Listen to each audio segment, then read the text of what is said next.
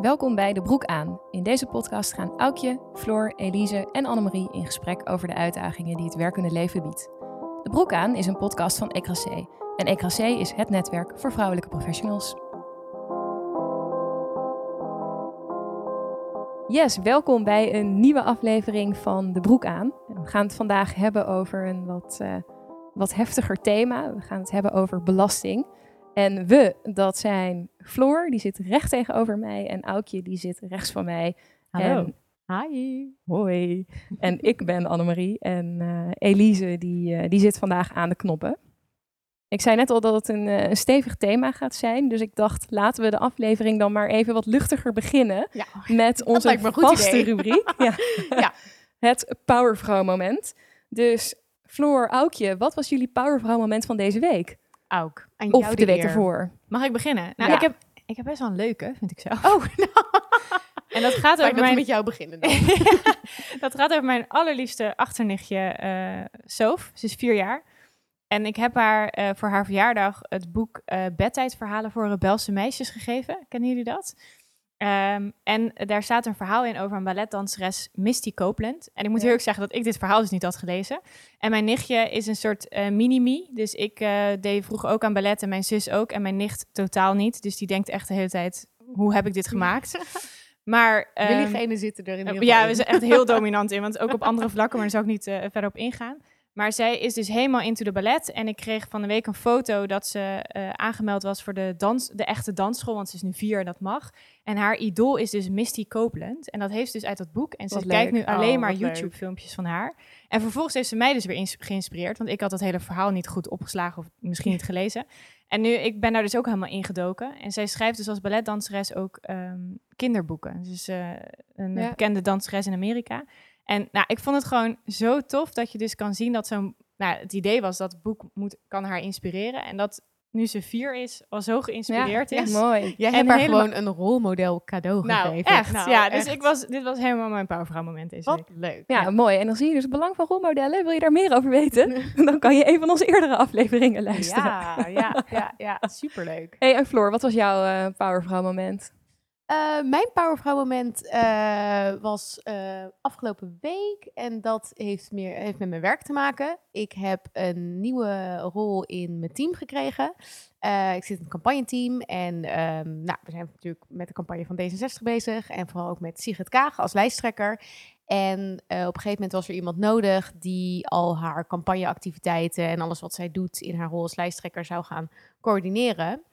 En ehm, dat ben ik geworden. Gefeliciteerd. Dat Wauw, is sowieso super tof. heel erg leuk. Ja, Ja. en ook heel erg spannend. Het is Ja. al wel eventjes... eh, nou, ik ben nu denk ik een maandje ongeveer bezig. Eh, en ik moest ook heel erg zoeken. Het was natuurlijk ook een helemaal nieuwe rol. Dus op een gegeven moment dacht ik echt... Ik weet helemaal niet wat ik aan het doen ben, maar ik doe maar gewoon wat ik doe.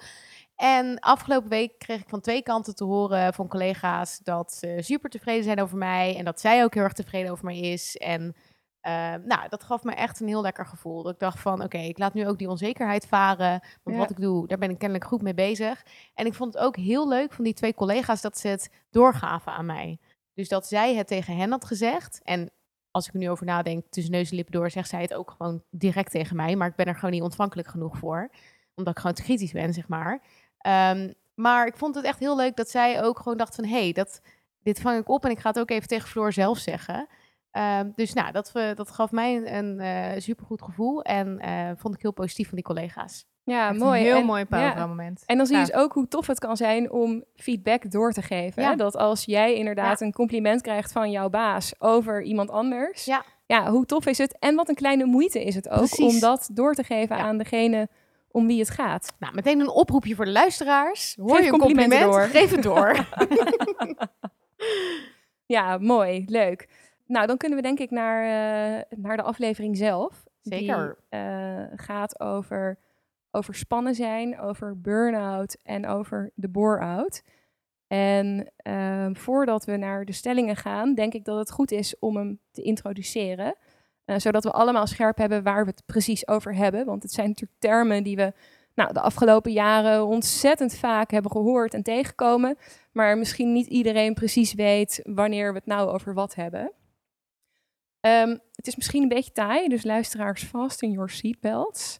want dit komt uit de wetenschappelijke literatuur. Ah, we hadden ook niet alles van je verwacht, Annemarie. maar ik zou zeggen, take it away. Take it away. Oké, we beginnen bij de burn-out. De burn-out wordt omschreven als een verschijnsel waarbij je ehm, last hebt van vier kernsymptomen, zo noemen ze dat dan. Eh, en die vier kernsymptomen, dat zijn uitputting, cognitief controleverlies, leg ik zo meteen uit, emotioneel controleverlies en mentale distantie. Waarbij uitputting eigenlijk een, een hele belangrijke is. En die uitputting die kan dan zowel ehm, eh, fysiek zijn, eh, dat je lichaam echt moe is en dat je gewoon niet meer op kan staan uit je bed. eh, of psychologisch, dus dat je jezelf ook mentaal helemaal leeg en opvoelt. En wat je vaak ziet is dat mensen met een burn-out nou, onwijs snel vermoeid zijn, eigenlijk helemaal geen energie hebben om naar werk te gaan, dat soms een half uurtje naar de supermarkt gaan al te veel is om, om te kunnen functioneren. En dat je daardoor ook ehm, eigenlijk niet kan herstellen nou, en laat, laat staan dat je goed kan ontspannen om weer energie te krijgen voor een nieuwe werkdag. De tweede, dat was het cognitieve controleverlies. En cognitief controleverlies, dat hangt samen met je functioneren. Eh, dat betekent eigenlijk dat je gaat niet meer functioneert zoals je normaal zou functioneren. Dus je krijgt last van geheugenproblemen, je krijgt last van concentratieproblemen. Je gaat bijvoorbeeld langzaam werken of je gaat veel fouten maken in je werk. En eh, wat je ook vaak ziet bij mensen die dan last hebben van een burn-out, is dat ze het ook moeilijk vinden om beslissingen te maken of om eh, dingen te herinneren. Ehm, de derde, dat was emotioneel controleverlies. En nou, die is denk ik wat makkelijker. Dat betekent dat je emoties niet meer onder, controle hebt. En dat kan zich bijvoorbeeld uiten in een gigantische huilbui eh, of in een, eh, in een ongecontroleerde woedeuitbarsting. En de vierde, dat is eh, mentale distantie. En dat betekent dat je mentaal afstand neemt van je werk. En dat kan dan ook lichamelijk zijn, dat je gewoon niet meer naar je werk kan, of mentaal. Door bijvoorbeeld heel cynisch te worden over je werk of over je collega's. Dat je op die manier die connectie niet meer hebt. En daar komen nog drie soort bijsymptomen bij. En die bijsymptomen, dat is dus niet per se een onderdeel van burn-out, maar dat hangt daar wel vaak mee samen. De eerste is depressieve klachten. Nou, die hoeft denk ik geen nadere toelichting. De tweede ehm, zijn gedragsmatige spanningsklachten. En dan moet je bijvoorbeeld denken aan een paniekaanval. En de derde, dat zijn lichamelijke spanningsklachten, zoals hartkloppingen, een hoge bloeddruk. En als je een burn-out hebt, is dat dus echt heel heftig, hè, als je dit allemaal ziet. Nou, en wat daar dan aan vooraf gaat, is overspannen zijn. Als je overspannen bent, dan wordt gezegd dat jij een aantal van die symptomen laat zien, maar dat je nog niet zo uitgeput bent dat je mentaal of fysiek niet meer kan. Dus dat is eigenlijk een voorfase. En dan als laatste de bore-out. Daarvan wordt gezegd van nou, je, je laat eigenlijk precies dezelfde kenmerken zien. Maar dat wordt dan niet veroorzaakt omdat je bijvoorbeeld onder hele hoge druk staat. Maar omdat je je werk zo saai vindt dat je helemaal niet wordt uitgedaagd in je werk. Dat was de introductie. Een lange Nou, rit. Ja, Heel nee, interessant. maar wel heel interessant. Ook wel eens omdat het is inderdaad zo nou, theoretisch eh, op een rijtje te horen. Dat je denkt, ja, het hangt ook echt allemaal met elkaar samen inderdaad. Ja, en vooral het verschil tussen burn-out en overspannen zijn. Ik denk dat mensen dat best wel, tenminste vind ik zelf wel Ja. moeilijk te benoemen wanneer je wat zegt. Ja. Ja, Maar ik vraag Ja. me daar wel van af, Ja. Annemarie, en misschien weet jij dat ook, want burn-out is natuurlijk best wel een nieuwe term. Of ik weet eigenlijk niet zo goed wanneer die geïntroduceerd is. Ja, en ik had altijd grappig. het idee dat dat, dat dat overspannen zijn, dat vroeger, dat Mhm. dat eigenlijk de burn-out was. Maar Ja. ik hoor jou nu zeggen Ja. dat is eigenlijk een voorfase. Ja, ik weet niet zo goed wanneer overspannen zijn als term in, in ons taalgebruik is gekomen. Maar wat ik wel weet, is dat de term burn-out eh, al in 1975 eh, in de. Verenigde Staten is eh, Ja. ontdekt. Ja. Zeg ik even tussen aanhalingstekens, want het is een verschijnsel wat vermoedelijk al veel langer bestaat. Ja, tuurlijk. Dus daar komt die term vandaan. Nou, en dan is er in de, in de literatuur is er een onwijze discussie over definities. Want eerst werd dan alleen gezegd dat hangt alleen maar samen met werk. En toen werd Ja. gezegd nee, dat hangt niet alleen maar samen met werk. En eh, de, de definitie die ik nu heb ehm, geschetst is een wat nieuwere definitie. En eh, dan kunnen we denk ik naar de eerste stelling. Zeker. Ehm, en daarom vond ik het ook belangrijk om even eh, helemaal jullie hier doorheen te leiden. Want de eerste stelling die luidt als volgt. Ik heb wel eens last gehad van burn-out verschijnselen.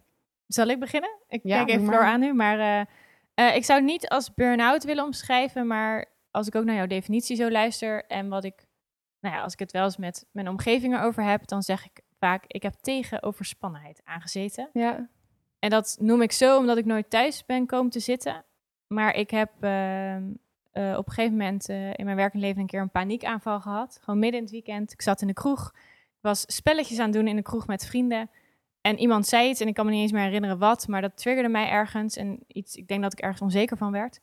En ik werd zo emotioneel dat ik echt... ehm, eh, vervolgens zijn we uit die kroeg gegaan. Want het was niet echt meer gezellig. En dat ik echt heel hard moest huilen. En ehm, ik kan me dus ook niet alles meer he- helemaal van herinneren, maar ik ben blijkbaar echt keihard naar huis gefietst. Ja. En zo erg dat mijn vriend best wel bang was dat hij dacht, heeft ze door wat er om me heen gebeurt en let ze op auto's. Ja. En ik raakte, ehm, ja, ik vind dat heel lastig hoe omschrijf je iets, maar in mijn ogen was het een paniekaanval en eh, kwam ik daar Mhm. ook, ik kwam niet zo heel goed uit die emotie. Ja. En dat was voor mij wel echt een heel duidelijk signaal dat ik dacht, oeh, volgens mij heb ik te veel spanning. Ik wist dat op werk ging het ook niet zo heel lekker. Eh, ik voelde heel veel druk. Ik ging heel vaak naar bed met het idee, ik ben, ja, een soort angst van, kan ik morgen nog wel uit bed komen? Oh, Eh. Dus wel een beetje in het beeld, omdat je heel veel hoort over burn-out, van gaat mij dit overkomen? Een soort angst Ja. daarvoor. Ehm, en door dit, dat, ik ben eigenlijk heel blij dat die paniek, paniekaanval dat ik die heb gehad Mhm. omdat ik daardoor echt wakker werd geschud. En ik die maandagochtend gelijk, eh, s ochtends mijn baas heb gebeld en heb gezegd, dit gaat niet goed. En heel eerlijk heb verteld wat er is gebeurd. Ja. En toen hebben we, is, ehm, toen heb ik eh, gewoon, hebben we gewoon naar mijn werkzaamheden gekeken. En toen ben ik gaan terugschroeven. En dat heeft wel voor gezorgd dat ik uiteindelijk niet thuis heb komen zitten. Daar ben Mhm. ik heel blij om. Ja. Mijn moeder zegt nog altijd dat ze vond dat ik dat wel had moeten doen. Hm. En ik, dat, dat kan je nooit zo goed beoordelen, maar het kan. Ik, het heeft misschien iets langer gekost om er overheen te komen. Misschien als je echt even volledige rust neemt, dat het beter is. Want Dus- als je er nu op reflecteert, kijk je er dan anders tegenaan? Denk je dan zelf ook van, nou, eigenlijk had ik thuis moeten zitten? Ja, ik is een soort trots dat ik dat niet heb gedaan. En ik denk dat dat eh, niet zo goed is dat ik die trots heb. Mhm. Ja. Want dat komt dus heel erg voort uit, denk ik, mijn ambitie en willen bewijzen dat ik het allemaal aan kan. ja, en het gevoel dat je faalt misschien. Ja, dus, ik, ik, ehm, dus als mijn moeder dat zegt, dan begrijp ik dat heel goed. Ja. En het grappige is dat als ik, eh, ik heb wel eens met mensen om mij heen gehad die dan, waarbij ik het vergelijkbaar zag gebeuren. En die adviseer ik altijd, ga naar huis, Ja. stop even met werken. Dus het grappige is dat je dat aan jezelf niet adviseert en wel aan anderen. Ja. Dus als ik ehm, mezelf streng toespreek, dan had ik wel thuis moeten gaan Ja. Nou, mooi, mooi Aukje. Mooi dat je dit zo wil delen. En eh, heel mooi om eh, te horen dat je ook wel meteen aan de bel hebt getrokken. En dat je niet door bent gegaan. Want dat is denk ik een valkuil voor... eh, Ja, en dat is echt dank mensen. aan die paniekaanval. Dus dat je Ja. zo, dat je, ik, kon, ik reageerde zo buitensporig en dat heeft me echt wakker geschud. En ik denk, wat jij nu net zegt aan het lijstje, je kan allemaal verschillende verschijnselen hebben. Het lijkt mij heel ingewikkeld als het dus zo sluimert, laat maar Mhm. zeggen. Ja. En dat je dan op een gegeven moment en niet meer uit bed kan komen, dat lijkt mij heel, eh, heel heftig. ja, ja. En jij, Floor? Nou, heel eerlijk heb ik dat echt niet gehad. Ehm, ik heb het wel eh, in de directe omgeving een hele goede vriendin die eh, nog niet zo lang geleden uit een eh burn-out is gekomen. Der gelukkig ook weer inderdaad uit is gekomen recent. Mhm. Ehm, maar die is er echt meer dan een jaar uit geweest. Dus nou, dan word je ook even mee geconfronteerd van... Wauw, dat is echt heel heftig. En wat zij heeft meegemaakt... Ik heb echt wel eens dat ik niet kan slapen omdat ik stress heb. Of dat ik 's ochtends om zeven uur wakker word en eh, in het weekend... en denk ik ga nu mijn bed uit, want ik moet nog zoveel doen. Echt onvergelijkbaar met wat zij, eh, wat zij heeft doorgemaakt. Dus nee, ja, gelukkig... ehm, Want Heb kan, je, kan, je daar, kan je daar iets meer over vertellen? Of, eh, Mm, in die zin dat zij er meer dan een jaar uit is geweest Ja. en het vooral werkgerelateerd is geweest, ja. Maar inderdaad, de dingen die jij benoemt van eh, fysiek en eh, niet meer tegen drukke ruimtes kunnen en dat soort zaken.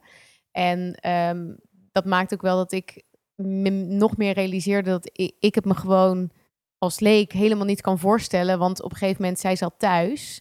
Het is ook wel weer een beetje een grappige anekdote. Want zij, zij zat thuis en ik dacht van, nou, zij zit thuis, wat kan ik voor haar doen? Want je zit als buitenstaander heel erg van, ja, wat kan je nou voor iemand doen? Dat is echt heel ingewikkeld. Toen dacht ik, nou, als ik niks doe, dan ga ik puzzelen. En dat geeft me echt super veel rust. Dus weet Mhm. je wat ik ga doen? Ik stuur haar een puzzel als cadeau. Nou, helemaal blij. Dus ik had eh, een puzzel besteld op internet. Zo'n Jan van Haasteren puzzel. Nou, ik weet niet of je weet hoe die eruit zien. Maar dat is vooral met heel veel gezichtjes en kleurtjes. en eh, het is een vrij eh, drukke puzzel, kan ik wel vertellen. Ja, dus ehm, nou, dus had ik opgestuurd. En ze had me natuurlijk voor bedankt. En verder, nou, prima. Ehm, en toen ze op een gegeven moment uit die burn-out was, toen vertelde ze van, nou, ik ben maar eens aan jouw puzzel begonnen. En ik moet zeggen, dit had ik nooit gekund toen ik nog in mijn burn-out zat. Ja. Want dit was echt veel te druk. En ik werd al helemaal gestrest als ik naar al die puzzelstukjes keek. En dit en dat en zo en zo. Dus ik moest ook wel weer dat ik echt dacht van... Jeetje, wat heb ik daar de plank mee onbewust ongelooflijk misgeslagen. Maar nou ja, om toch eens ook even te illustreren van... Ja, ik, ik denk dat het, als je het echt nooit zo heftig hebt meegemaakt... dat het zo moeilijk is voor te stellen waar iemand doorheen gaat. En Ja. ja, dat is natuurlijk Ja. ook gewoon echt wel heel erg voor iemand. Want rust er, denken jullie, een taboe op om het hierover te hebben? Ik denk dat er een taboe op rust om aan te geven dat je het allemaal niet aan kan. Mhm. Ja. Dat je toch heel erg het gevoel hebt van, ja, maar ik moet dit kunnen. En nou, oké, kom op, nog even één avond doortrekken. En dat de stap, de drempel om te kunnen zeggen van, ja, het is gewoon te veel. Ik, ik kan het gewoon niet aan. Ik overzie het niet meer. ehm, dat dat heel ingewikkeld is. Ja. Ja, en vooral die voorfase. Ja. Dus, dus als iemand al eenmaal in een burn-out zit, ik denk dat we dat het nog steeds heel moeilijk is om over te praten, maar ik denk dat we maatschappelijk wel iets meer eh, kennis van hebben, dus ook erkenning hebben. Dus als iemand erin zit, dat, nou ja, dat je daar dat daar ook wel goed naar wordt gehandeld. Zal vast per eh, werkomgeving verschillen.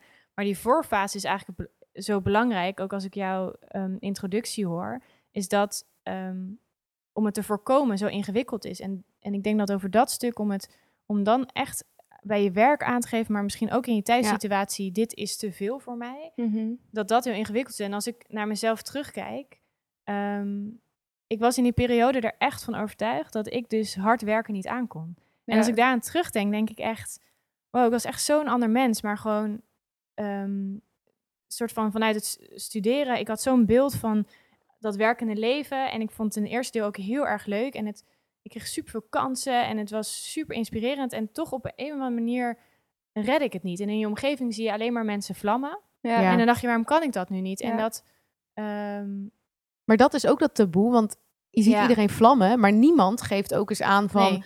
Zo, dat ging echt even niet goed. Of, oh, dat heb ik gewoon niet gered. En eh, het is me echt allemaal een beetje te veel. Zeker collega's onder elkaar. Ja, je hebt het er gewoon niet zoveel over. Ja. Nee, en ik denk ook in privésfeer dat je heel vaak denkt, nou, pff, ben ik eindelijk eh, klaar met werk. Ik wil het gewoon over leuke dingen hebben. En dat is wel, vriendinnen hebben mij dat ook wel teruggegeven, dat ze gewoon zeiden, je hebt hier nooit over Nee. gesproken of zo. Of tenminste, ze zeiden, ze zei, ja, je hebt wel eens gezegd, nou, het is wel pittig. Maar die overgang van het gaat echt niet meer, die, maar ja, die was voor mijzelf natuurlijk ook eigenlijk, die kwam ook uit het niets. Ja. Ehm, maar zelfs in die periode na, na die paniekaanval, heb ik denk ik twee weken echt alle sociale contact ontweken. En ik kan me alleen herinneren dat ik in het hoekje van de bank iedere keer zat. En dan naar werk ging en thuis kwam. En dan blij was dat iemand eten voor me maakte. En Ja. alles negeerde. En ik wil het er niet met mensen over hebben. En dat vind ik echt... Nou, als mensen, luisteraars, nou ja, bepaalde dingen herkennen... ehm, ja, bel wel echt je omgeving op. Maar Ja, het is, ik vond hulp. het echt heel lastig. Want Ja. pas uiteindelijk toen iemand mij heel actief belde en vroeg hoe gaat het... en daarna superveel begrip toonde, toen dacht ik... waarom doe ik hier nou zo moeilijk Ja. over? Waarom ontwijk ik telefoontjes en appjes? Ja, ik vind het ook onwijs herkenbaar. Want als ik nu terugkijk naar mijn eh, eh, leven op de Zuidas, hè, als, als jonge advocaat. Ik denk dat ik wel overspannen ben geweest. En ook met een paniekaanval op de fiets naar kantoor ben gegaan. En alleen maar kon huilen. En nou, echt niet meer wist waar ik het moest zoeken. Ja. En, ehm, maar ik heb het daar nooit over gehad met mensen. En terwijl ik daar totaal niet op mijn plek zat, eh, geen autonomie had, alleen maar conflict had, ook bijvoorbeeld met mijn moeder over werk. Die zei, Annemarie, het is belachelijk en wat je aan het doen bent. Want even voor de, voor de luisteraar, nou, je maakt daar dan toch... Ik heb daar een, een jaar lang ehm, eh, eh, heel druk gehad. En dat als ik dan om half tien s'avonds thuis was, dat ik dacht, oh, ik heb nog een avond voor mezelf. Oh ja. En dus het Half was meer, ja, dus het was meer normaal om dan om 12 uur of 1 uur s'nachts thuis te komen ja. of, of nog later. En dan in het weekend studeren voor je, voor je advocatenopleiding. Maar En dat je dan... ik heb gewoon niet aan de bel getrokken. Nee. En Aukje, jij verwoordde dat heel mooi, denk ik, omdat ik dacht, ik ben, dan ben ik te zwak of te slap, hè, dan Ja. kan je het niet aan. En dan ga je maar door, en dan ga je maar door, en dan ga je maar door. En mijn redding daarin is geweest dat ik naar een andere afdeling ging, waar een andere dynamiek was. Maar als dat niet was gebeurd, ja, Ja. En was Dan dat dan op jouw verzoek? Want ik kan me voorstellen, dat was dus het keerpunt. Maar heb je dat toen aangevuld of over... Nee, dat was daar, was dat, was dat normaal. Dat gebeurde gewoon. Dus dat was ook denk ik mijn houvast van, oké, nog negen maanden, nog acht maanden, nog zeven Ja. maanden, nog zes maanden. Maar En- zo, zo herkenbaar wat jij zegt van dat je dan met je omgeving daar ruzie over gaat maken. Want ik heb inderdaad ook wel eens dat ik dan... Ja, ik heb ook wel eens dat ik echt wel avonden achter elkaar aan het doorwerken ben. En dan kan Frank, mijn vriend, ook echt soms zeggen van... Of dat ik dan gebeld word in het weekend of weet ik veel. En op het moment dat het, dat het niet hoeft, dat hij dan echt zo kan vragen... Ja, moet dit echt nu? En dat ik echt denk, ja, ja, dit moet nu. Hoezo? Ja. En dat dan ook echt heel erg vervelend vindt. Maar ja, als je dan, dan daar dan lekker heel erg conflict met elkaar over gaat hebben. En als ik dan achteraf nadenk, ja, nee, dat hoeft ook eigenlijk niet nu. Ja. Dus ik denk ook wel dat, dat je omgeving daar, daar, ja, die heb je echt nodig om het tegen te houden. Maar ja, dat is heel moeilijk om daar ook ontvankelijk Ja. voor te zijn, denk ik. waar ik dus op wilde terugkomen, was dat ik Floor ook heel mooi vond wat jij zei. Of tenminste, jij, dat, wat jij zei triggerde mij. Namelijk, luister ook naar signalen uit je omgeving. Ja, Dat en, en dus ook denk ik een oproep aan de omgeving. Als jij ziet dat mensen eh, om jou heen richting overspannenheid gaan, ga erover het gesprek aan. Ja. Want hoe langer je ermee doorloopt, hoe desastreuzer de gevolgen zijn. Ja, en ik denk dat dat is in deze huidige tijd best wel moeilijk. Want we zitten allemaal thuis, dus hoe kan je via een scherm zien of Ja. iemand Ja. tegen zijn grens aan zit? En dat vind ik, Ja, ehm, op de werkvloer is dat best wel ingewikkeld om op dit moment goed aan te voelen hoe iedereen in zijn vel zit. En ja. ehm, vind ik het soms als collega best wel lastig, kan ik dit nu aan iemand vragen, omdat ik gewoon geen idee heb hoe Nee. iemand thuis erbij zit. Ja, maar dat, is inderdaad, ja. dat, dat vind ik, want eh, ik eh, geef dan leiding aan een team van, eh, van, acht, eh, van acht mensen. En eh, normaal weet ik, tenminste voor corona, wist ik gewoon precies hoe het met iedereen ging. Waar ze tegenaan liepen, hoe hard ze werkten. Nou, ze werken allemaal super hard, maar hè, je ziet gewoon hoe lang iemand eh, op kantoor blijft. Nou, allemaal, ik weet hoe een dag eruit ziet. Maar ik zie ze nu niet meer. En dat gaf mij ook gewoon echt wel best veel stress. Van, ik, maak, me- ik maak me, Ja. dat doe ik nog steeds wel, echt een beetje zorgen van ja, hoe gaat het met ze en werkt iedereen niet te hard? Dus ik herken heel erg wat je zegt, Aukje. Het is in deze coronatijd denk ik ook extra lastig om mensen ervoor te behoeden dat ze zich Ja. helemaal over de kop werken. En is denk ik een heel mooi bruggetje naar de tweede stelling. Kijk, Ehm, die luidt namelijk als volgt. Het is je eigen verantwoordelijkheid om overspannenheid of burn-out te voorkomen. Nou, ik ben daar niet mee eens, maar ik, ik ben wel bang dat het voor een groot deel wel je eigen verantwoordelijkheid is. Omdat Mhm. je, om, ja, om de enige die weet of je druk hebt of, of, of dat je meer nee moet zeggen, dat ben je natuurlijk zelf, hoe moeilijk dat ook is. Maar ik denk dat je omgeving daar absoluut wel, en zeker een werkgever, ja, is daar ook mede verantwoordelijk voor. Ja, zeker. Ja, ik vind echt een gedeelde verantwoordelijkheid. En ik moet wel zeggen, er zit een verschil denk ik in een bepaalde werkomgeving. Dus als ik kijk naar waar wij alle drie werken, dat dat wel een plek is waarbij je überhaupt in je werk best wel veel eigen verantwoordelijkheid hebt. En Ja. ook je eigen agenda op een bepaald niveau kan beheren. Dus ehm, dat zal niet bij ieder werk zijn. Dus als dat niet kan, dan vind ik dat het iets meer bij de werkgever ligt. Maar als ik naar mijn eigen werk kijk, dan denk ik, ja, ik bepaal echt mijn grenzen. Het betekent niet dat het makkelijk is, want het- ik vind het echt super ingewikkeld. Kan ook juist inderdaad echt een valkuil zijn, omdat je gewoon erg. nooit nee zegt tegen dingen. Ja, en ik vind daarom, en waarom ik het een gedeelde verantwoordelijkheid vind, is dat het van de werknemer moet echt zelf nee zeggen. Alleen de werkgever is verantwoordelijk in het geven van voorbeelden. Ja. En ik vind het, eh, ik had recent ehm, onze directeur die dan echt heel, we hebben dan een soort koffietijd met 140 mensen online. En die heel bewust eh, dan, gaat, dan zegt ik, eh, nou e- even zeg van joh, let op eh, hoe je je tijd indeelt. Helemaal ging uitleggen hoe je, nou wij gebruiken dan Teams, hoe je in Teams kan invullen wanneer dat dus geen een pop-up krijgt. Dus dat je dan vanaf zes uur 's avonds stopt of niet in het weekend. Of, nou, dat kon je dan Ja. zelf invullen. Maar ook zegt, ik ga vanmiddag om vier uur langs mijn ouders, want ik vind dat belangrijk om hun even te zien. En toen dacht ik, dat is zo goed als je zelf dus benoemt dat je flexibel omgaat met je werk. En dat, Ja. nou, dat kan bij ons op werk dan. En dat voorbeeld, dat geeft denk ik, eh, dat is, ja, ik denk dat dat de beste manier is om in banen waar je eigen verantwoordelijkheid moet dragen, eh, mensen te stimuleren om eh, grenzen te stellen. Ja. En wat zou, wat zou een ander goed voorbeeld kunnen zijn, denken jullie? Ja, ik denk inderdaad wel ehm, eh, het, het een goede voorbeeld geven. Eigenlijk wat, wat Aukje inderdaad eh, ook benoemt. Dus inderdaad zelf ook gewoon op gezette tijden naar huis gaan. Zo van, het is inderdaad niet normaal. En wat ik ook wel bewust doe, is dat als ik op zondag iets bedenk van... oh, dit moeten we maandag even regelen... of oh, dit moet die collega even doen... dan wil ik al mijn telefoon pakken om het te appen. Maar dan denk ik, nee, dat ga ik niet vandaag doen, want vandaag is het zondag. Dus ik ga niet diegene nu storen met iets over werk. Ja. Want die is ook gewoon lekker Ja. eh, zijn zondagmiddag eh bol aan het doen. Dus die gun ik dat ook echt enorm om dan te ontspannen. Dus ik denk dat dat heel erg belangrijk is. Dus ja, toch dat people management vanuit een werkgever. En, en ja, ik, ik merk het zelf namelijk ook. Ik, dat, toen had ik mijn functioneringsgesprek. En eh, toen zaten, zaten mijn leidinggevende en, en eh, een van de Kamerleden zaten voor me. En die vroegen van, nou, hoe gaat het met je?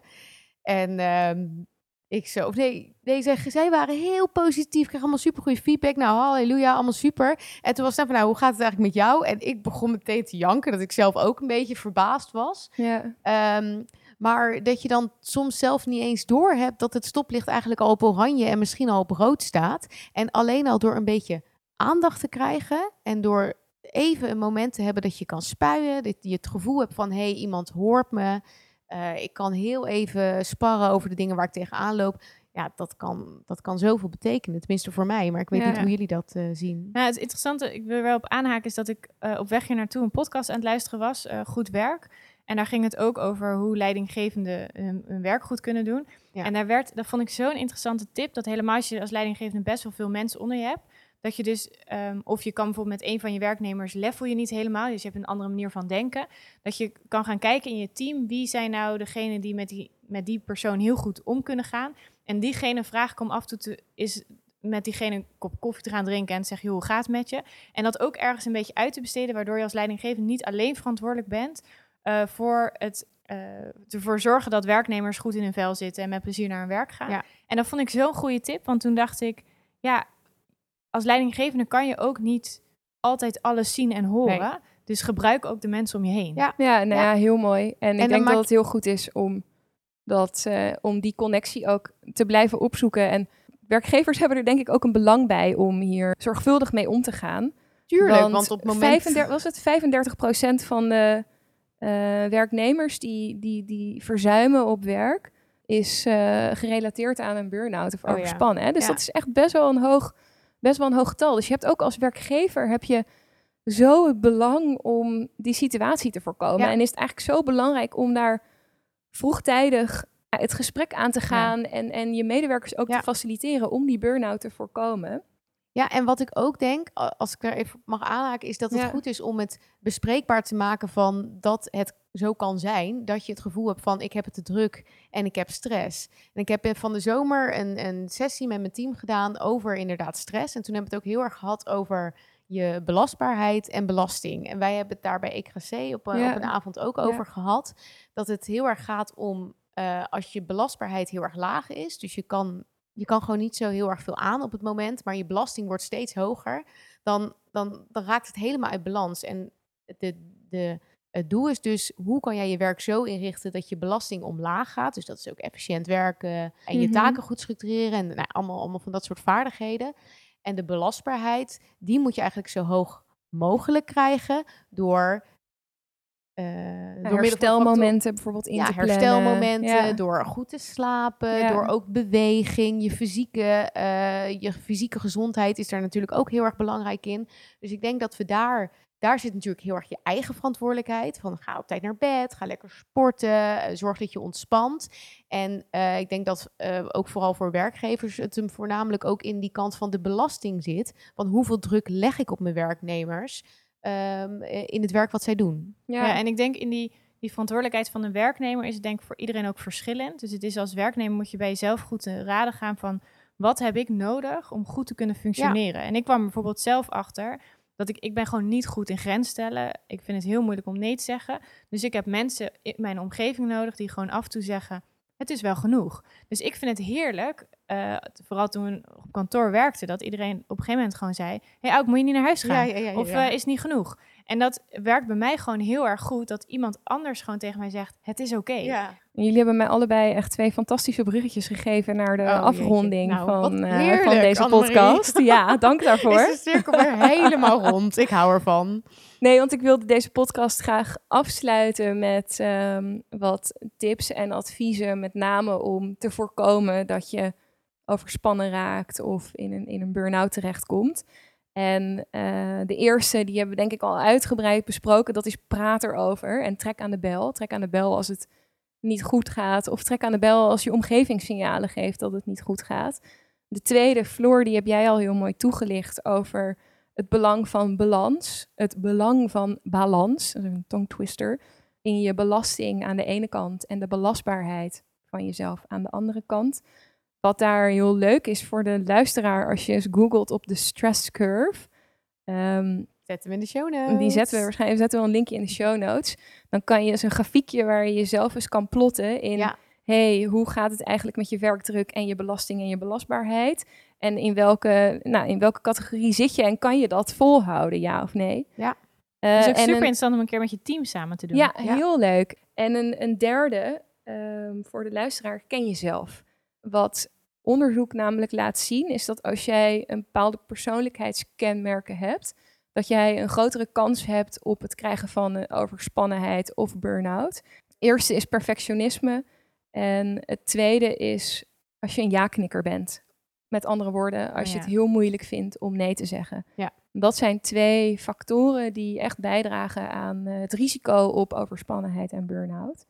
Eh, dus als je daar last van hebt, wees je er zelf daarvan bewust. Onwijs bedankt, Floor en Aukje, voor jullie bijdrage en jullie openheid. En lieve luisteraar, tot de volgende keer.